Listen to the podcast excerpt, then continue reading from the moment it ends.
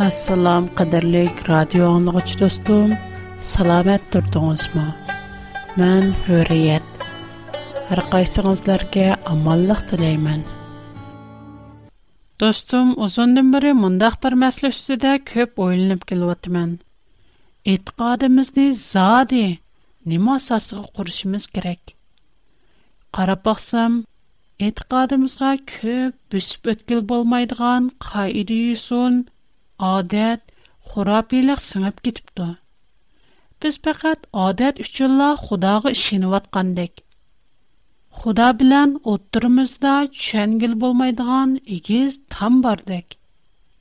Атрапымдагы көплеген досторум иттикат менен эмнеси күриш тогорлук конграп калганда болду.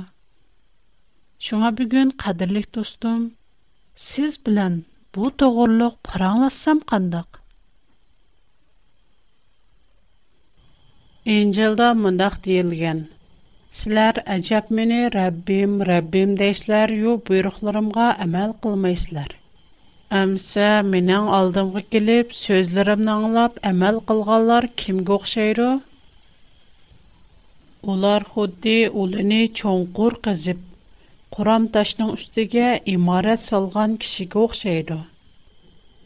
Келкін келгенда онын күшли көджими ондақ имаратни кэмір қылалмайды, чонки о пухта селен ған. Лигин, аңлап дуруп, әмэл қылмайды ғалар, ол қурумай қурух ярның үштіге имарат салған кішіге оқшайды. Бондақ имарат келкіннің ғуджимыға аман өріліп, пүтіллай гумрам болды. Нуқы баян қылған хош хабар 6-нчы баб 46 дан 49-нчы аят кичә. Bu ayet bizga etiqadimizning ulini qandoq qurish haqida cho'nqur ta'lim berdi. Bugungi suhbatimizning mazmuni ham mana mushu haqiqiy etiqodning ulini qandoq qurish to'g'riliq bo'lmoqchi. Dunyoda har xil etiqod Бәзілер көз білән көргілі болмайдыған. Әм ені қылып, ман о бу әрді, яки о әрді дейалмайдыған. Әмі шәнчелік алда, мана Худа менің қалбымда, дейалайдыған пүткіл кайнатның ярат күтсі михрибан шәпқатлі Худағы шынду. Яны бәзілер көз білән көргілі болдыған, әмі зувансыз. konkret narsalarga cho'qindi masalan oltin kumushlardan temir dastaklardan yasalgan shakli g'alita va qo'rqinchliq butlarga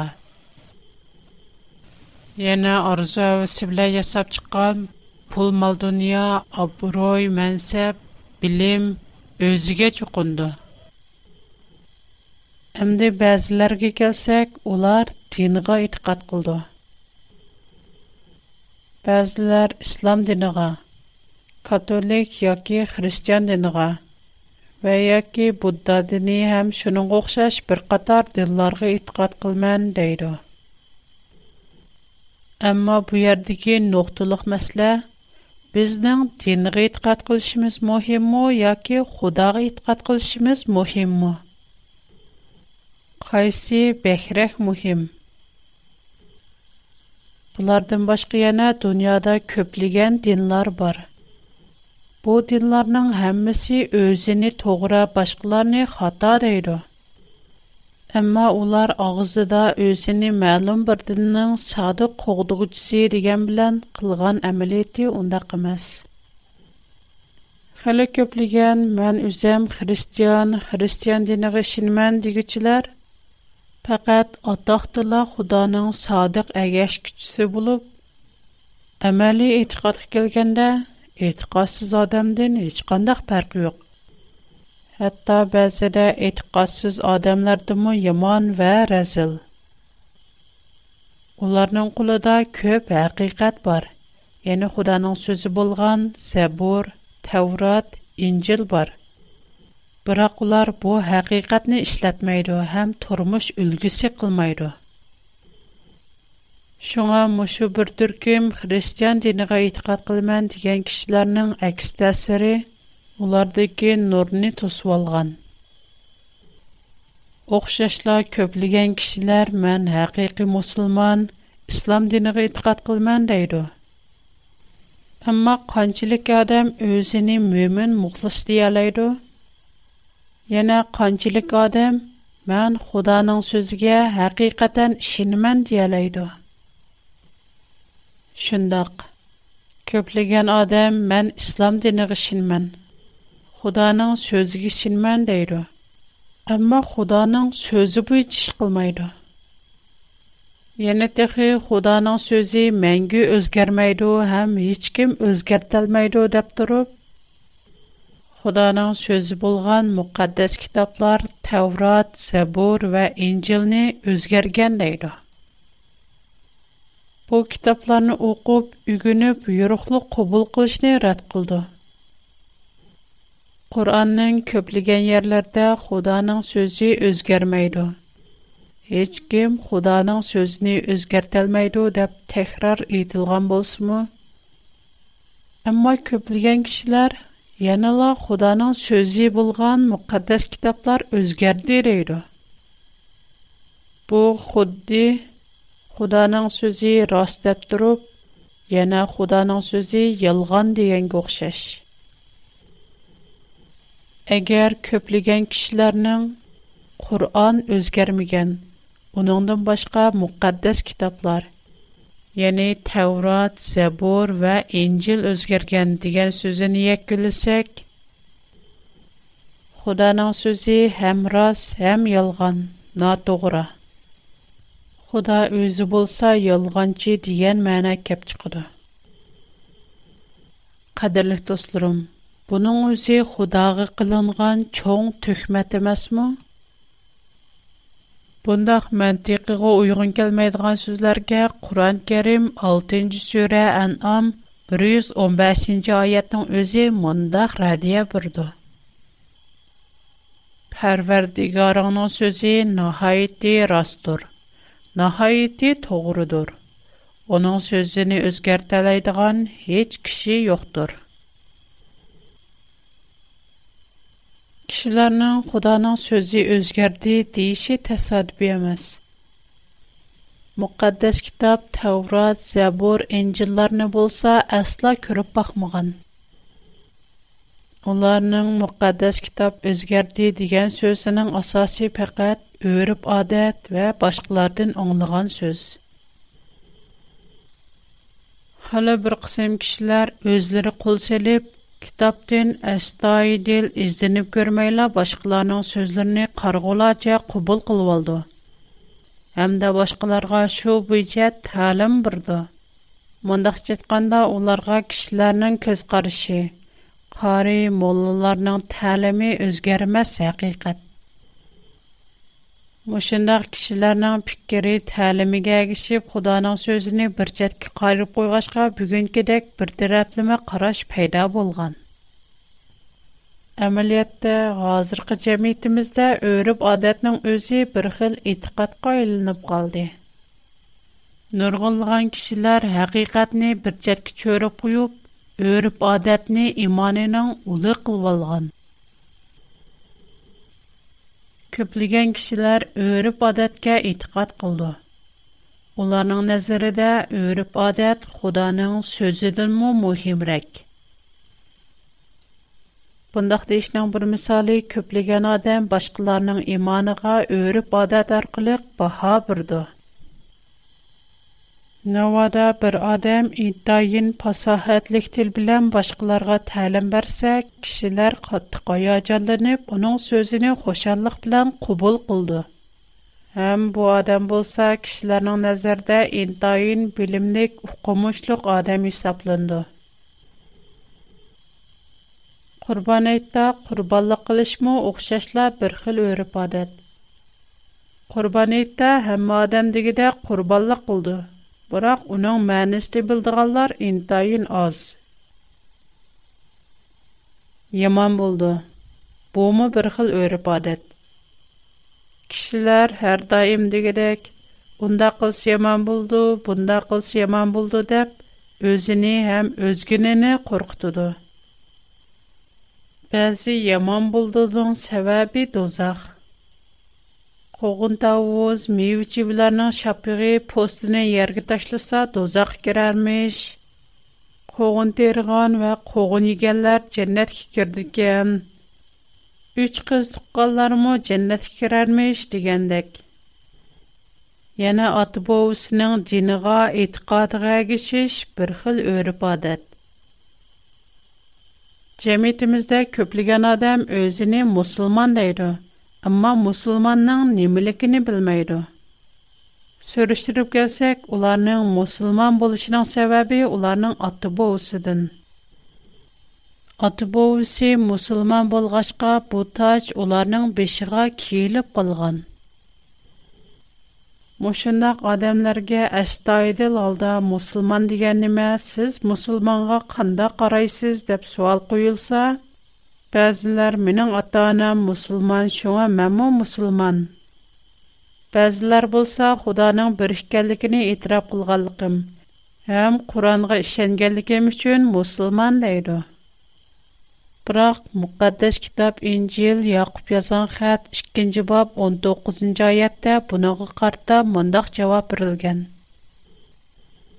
Сән, Худаның пәкат бер ишкәлдеге гөлешен мен дисәңне купай кыламды. Худаның бер ишкәлдегеге хәтта җиллар мишенде. Һәм оныңны куркып дер-дер титрәйде.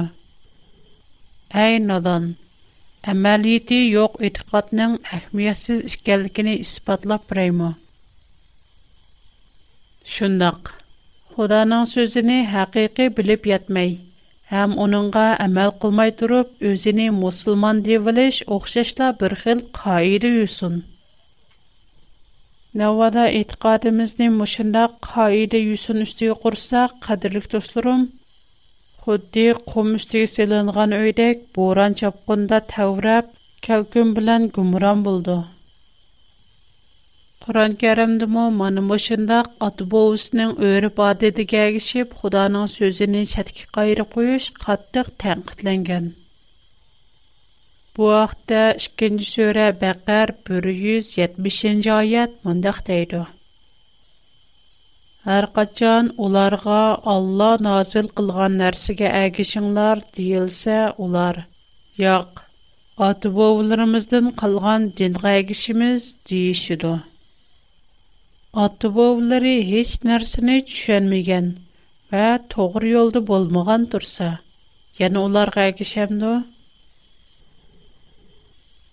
Şuna həqiqi etiqadımızın qandaq olğu qoruş biz üçün indayın mühim.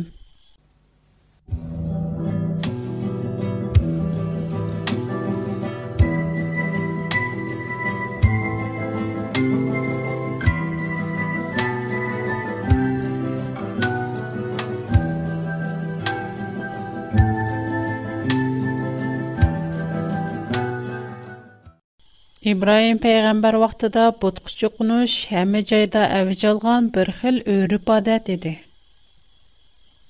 Novada etiqadçılarının atışı deyə atılğan İbrahim peyğəmbər atı boğusunun dininə gəçkən. Yəni putlara çuqunğan bolsa o nicatlıq tapalarmıdı? Atı boğularımıza qarap baxaylı. Burun biznin mı? ئوت كۆن قاتارلىق ھەر خىل تەبىئەت ھادىسىلىرىگە شاماندىنى بۇددا دىنلىرىغا ئېتىقاد قىلغان Әгәр әйни чагда улармы итикадының асасыны өрүп адәткә курган булса, бүгенге көндә улар техичә кирәксез бутларга чукынып йөргән булатты. Әмма иченишлек шуки, бүгенге дәвримездә нургылган кишләр үзләре сезмәгән алда Өз арзу әвісі, ғайшының кәйіне керіп, көзгі көрінмейдіған еңіден еңі бұтларыны қаттырмақта. Вә оларға баш егіп чоқынмақта. Герче кишилер бу яңа бутларны агызы да итрап кылмысы му, амма көңледен шуныңа чоқынды. Мәслән, пол мал дуния – Хәл бер кысым кишләр өчен бу дөньяда көп пул мал дөньяга эрешеш уларның гаисе. Бу дөньяда әшәмәтлек яшаш, байлык эрешеш уларның барлыгыга айланган. Улар пул тепеш гуна эмес, баяшат яшаш хата эмес. Без һәм пул тапмыз, һәм Худага иткат кылмыз дейләр. pul tepishqa sərf qılğan zehnimiz, vaxtımız bilan Xudani yad etishkə sərf qılğan vaxtımızı seliştirib görsək, intayin çoğ fərq var. Növbədə şundaq bir sınaqlar gəlib, yoki pul milimizdən keçiş, yoki Xudoga etiqad qilish. İkkisidən birini tanlashqa to'g'ri kelsa, biz mol dunyorimizdan, pulimizdan voz kecha olamizmi? Әгәр ваз кечәлмәсәк, Худадан пулны бәхрәк яхшы күрсәк, пул байлык безнең итикадыбызга, бутымызга айланды. Яна бәзеләр абруй, мәнсәпкә итикад кылды. Олар өчен бу дөньяның абруй, мәнсәпе уларның барлыгы. Бер кысымнар булса, әйше ишрәт уен тамашыга итикад кылды. Оларның бу дөньядагы иң татлык, иң ширин арзусы ойнап күлүш. Онандан башка өзге иттикат кылдыганлар мы бар? Оларның нәзәрдә өзе һәммәрен үстен. Оларның ой хыялыга фақат өзедән башка һеч адам, һеч кандай нәрсә сыгмайды. Яна хисмәткә өзенең мәнфәатыга иттикат кылдыганлар бар? Gerçi ular Xudağa şinimiz, onun sözüge boysunimiz desimo birer qiyinchilikqa düş kelgan aman kaynige çekindi. Umuman qilib aytganda, ularning e'tiqodi mushu dunyoning turmush halakchiligi ustiga qurilgan. Bir qatim magazin arlavat qilimda bir necha do'konda egiz takchiga qo'yilgan boyliq ilohini ko'rgan edim. Керче бут күчө кылганларның ише булсымы, әмма бүгенге көндә нургынлыгын кешеләр гоя шу бутко охшаш яңадан яңа бутларны ясава торы. Хода мөхәддەس китап Инҗил Матта баян кылган яхшы 6нҗи баб 19нҗидән 21нҗи аят кичә мондак дигән. Яр йөзидә үзәңнәргә гәзине топлымаңнар. Чөнки бу ердә уларны көйәп китеду ва татлышып түгәйду. Өйөңләргә огыр кирип, огырлапмы китеду. Өзөңләргә әриштә хәзинә топлаңлар. У ердә көйә йемәйду, татлашмайду, огырмы алмайду. Хәзинәңләр каярда булса, калбыңлармы шу ердә булды. Шуңа бу аятның мәнисе интайын энек. Этқарыңызны Худаның өзгәрмәс әқиқеті үстігі құрын. Хазиныңызны болса әрішкі топлан. Мен һәм мал дуниян яхшы көрмән, һәм Худағы хызмет қылмән дейді ғаллары келсек, Инжил лұқы баян қылған хош 16-й бап 13-й аяттен мұндақ жауап тапалаймыз.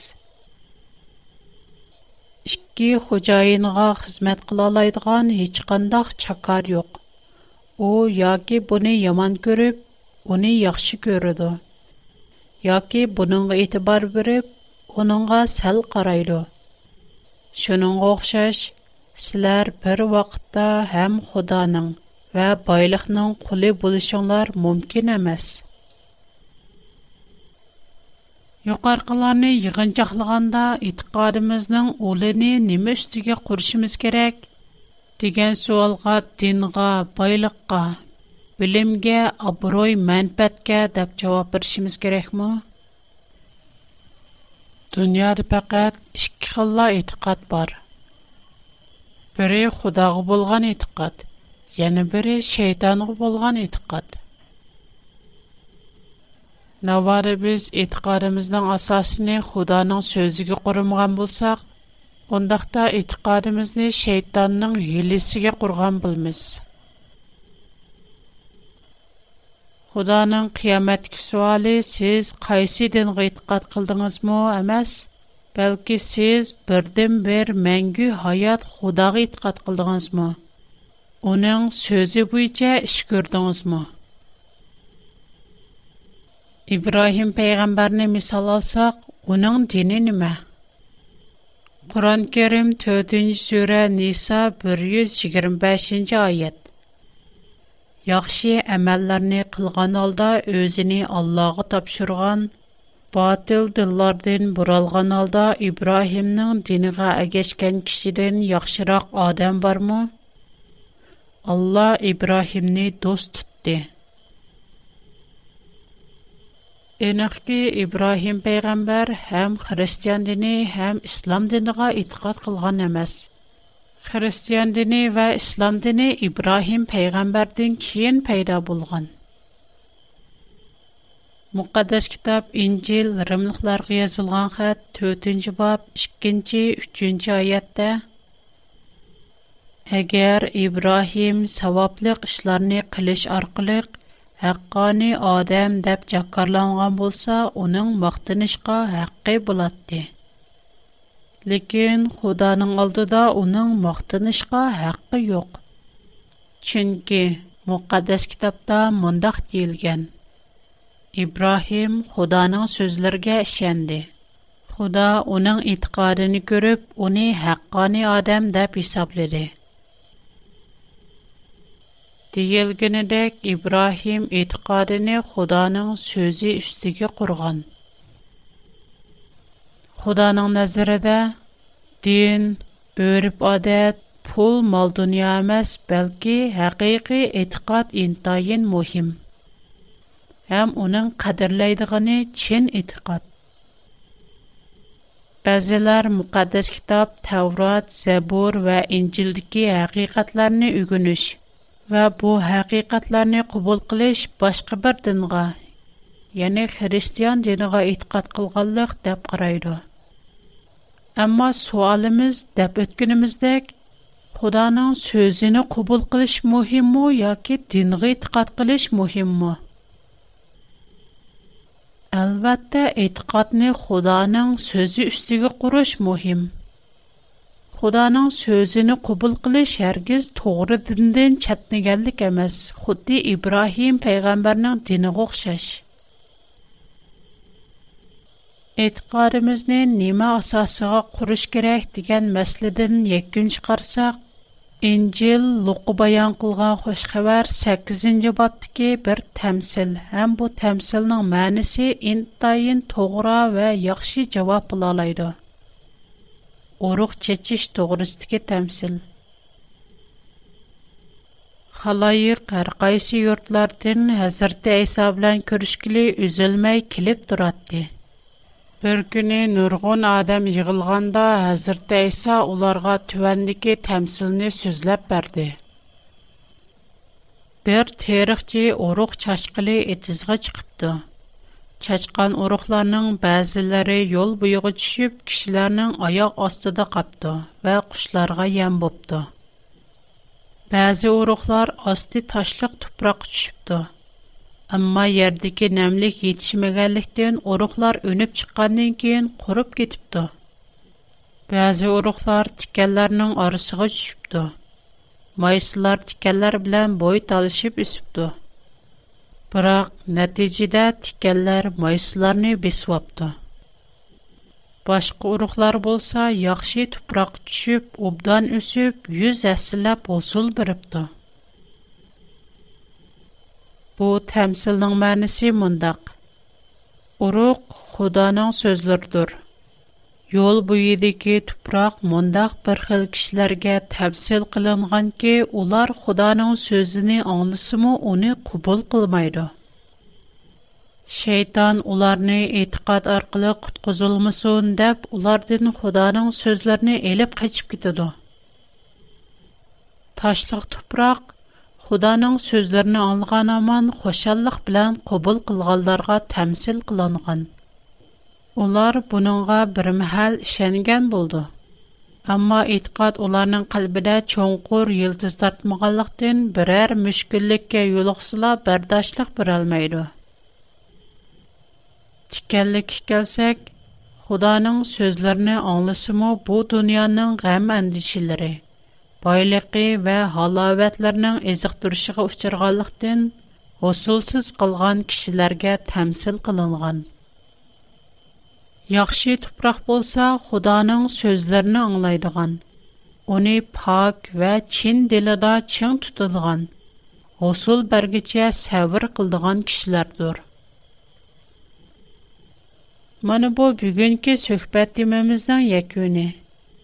Кадерле достым, сезнең әң шерин, әң татлы хыялыгыз нимә? Әгәр сезнең әң ширин, әң татлык хис туйгыңыз, хыялыңыз мәгълүм берәр нәрсә, пул, мал дөнья, абруй, шан шөһрәт, өзіңіз, билим, маариф ва башкалар булса, әмәлият бу дәл сезнең итикадыңыз.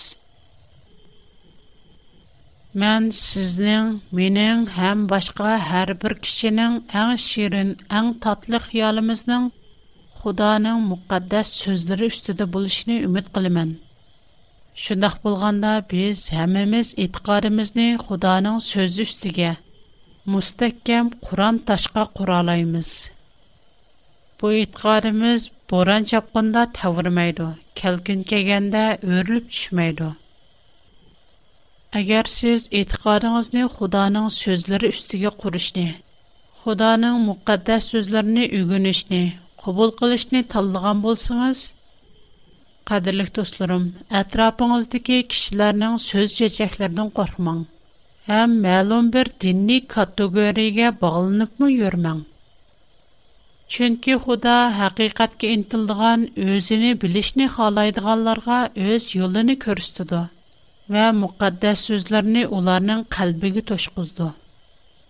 Әмма müstəkkəm itiqad qurishning алдыңғы şərti yanala Xudanın bizgi bildirgan aniq haqiqatini, aniq so'zlarini o'gunish, bilish. Оның сөзіні қандақ біліміз? Әлбәттә, у бізні ялғыз ташлап қоймады. Өзінің мұқаддас сөзлері болған Тәурат, Зәбур ва Инҗиллар арқылы бізге haqiqatni bayon qildi.